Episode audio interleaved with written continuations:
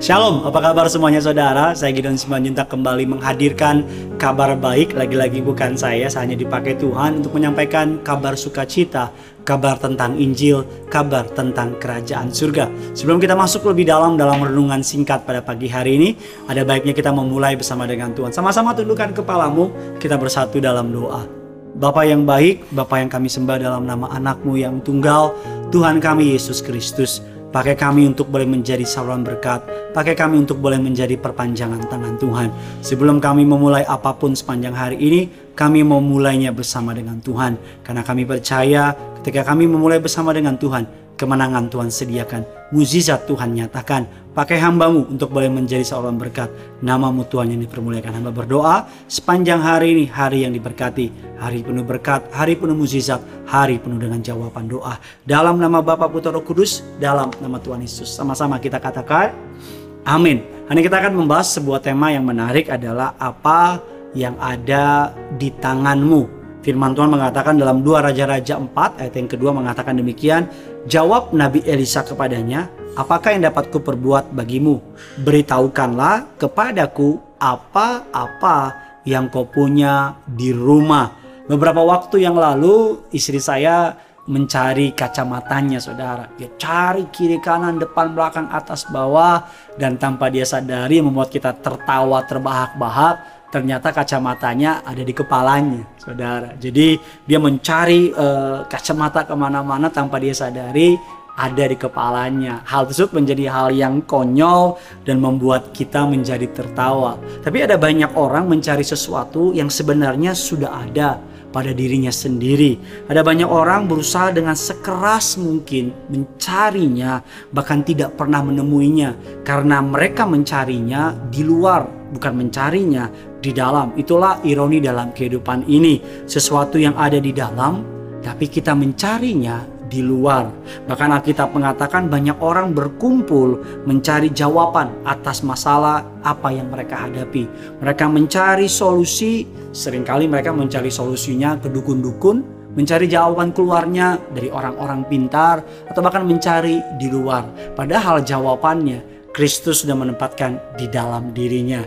Pertanyaan yang sama ditanyakan juga kepada Allah, kepada Musa. Allah bertanya kepada Musa, "Musa, apa yang ada di tanganmu?" Dan kita semua tahu jawabannya adalah tongkat. Mungkin bagi beberapa orang tongkat adalah alat yang sederhana, tidak hal yang signifikan dan tidak dapat melakukan apa pun yang luar biasa. Tapi hal yang kecil, hal yang sederhana, hal yang tidak signifikan di tangan Tuhan dapat membelah laut merah, dapat melakukan 10 tua kepada bangsa Mesir, bahkan dapat membelah air, mengeluarkan air, bahkan dapat melakukan banyak musizat.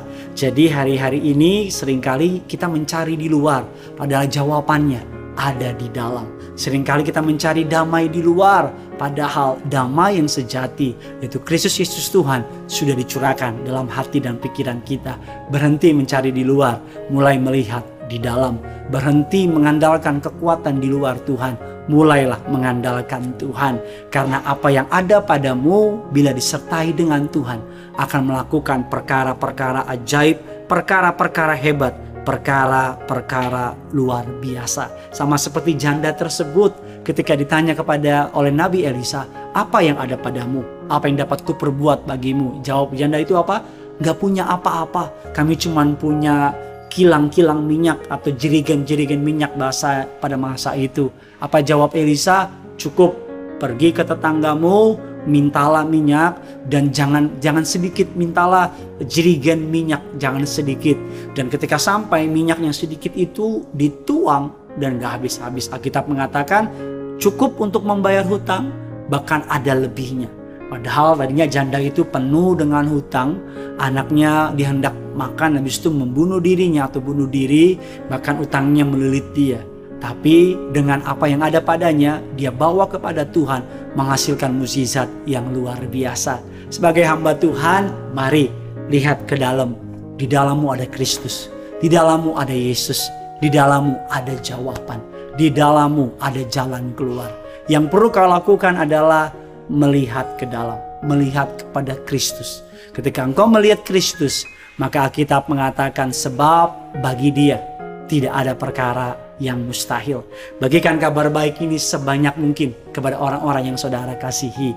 Bilang sama mereka, di dalammu ada kuasa yang luar biasa. Great Jesus in me. Hebatlah Yesus yang ada di dalam hidup saudara dan saya. Jangan lupa untuk like dan komen sebanyak mungkin agar semakin banyak orang dapat mendengar kabar sukacita ini. Ingat, apa yang ada padamu bila disertai dengan Tuhan akan menghasilkan kuasa yang luar biasa. Yang punya surga, crazy in love with you. Bye-bye.